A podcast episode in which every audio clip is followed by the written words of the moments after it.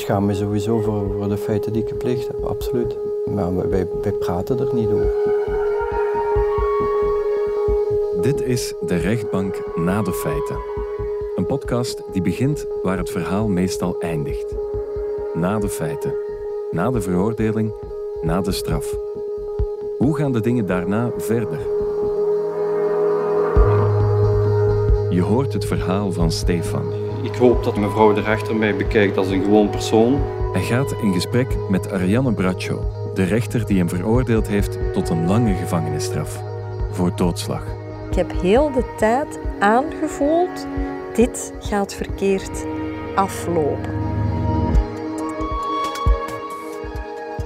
Ik had niet verwacht dat ik tot zoiets in staat zou zijn. Nooit.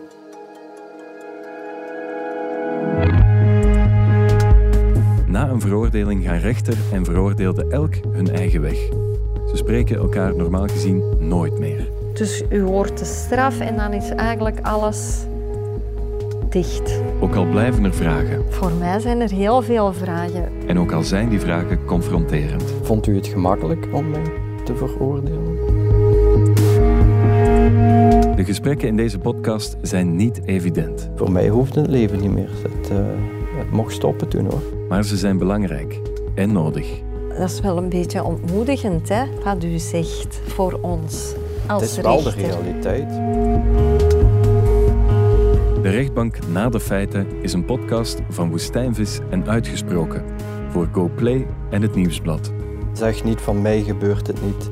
Luister via goplay.be, nieuwsblad.be of via je favoriete podcast-app.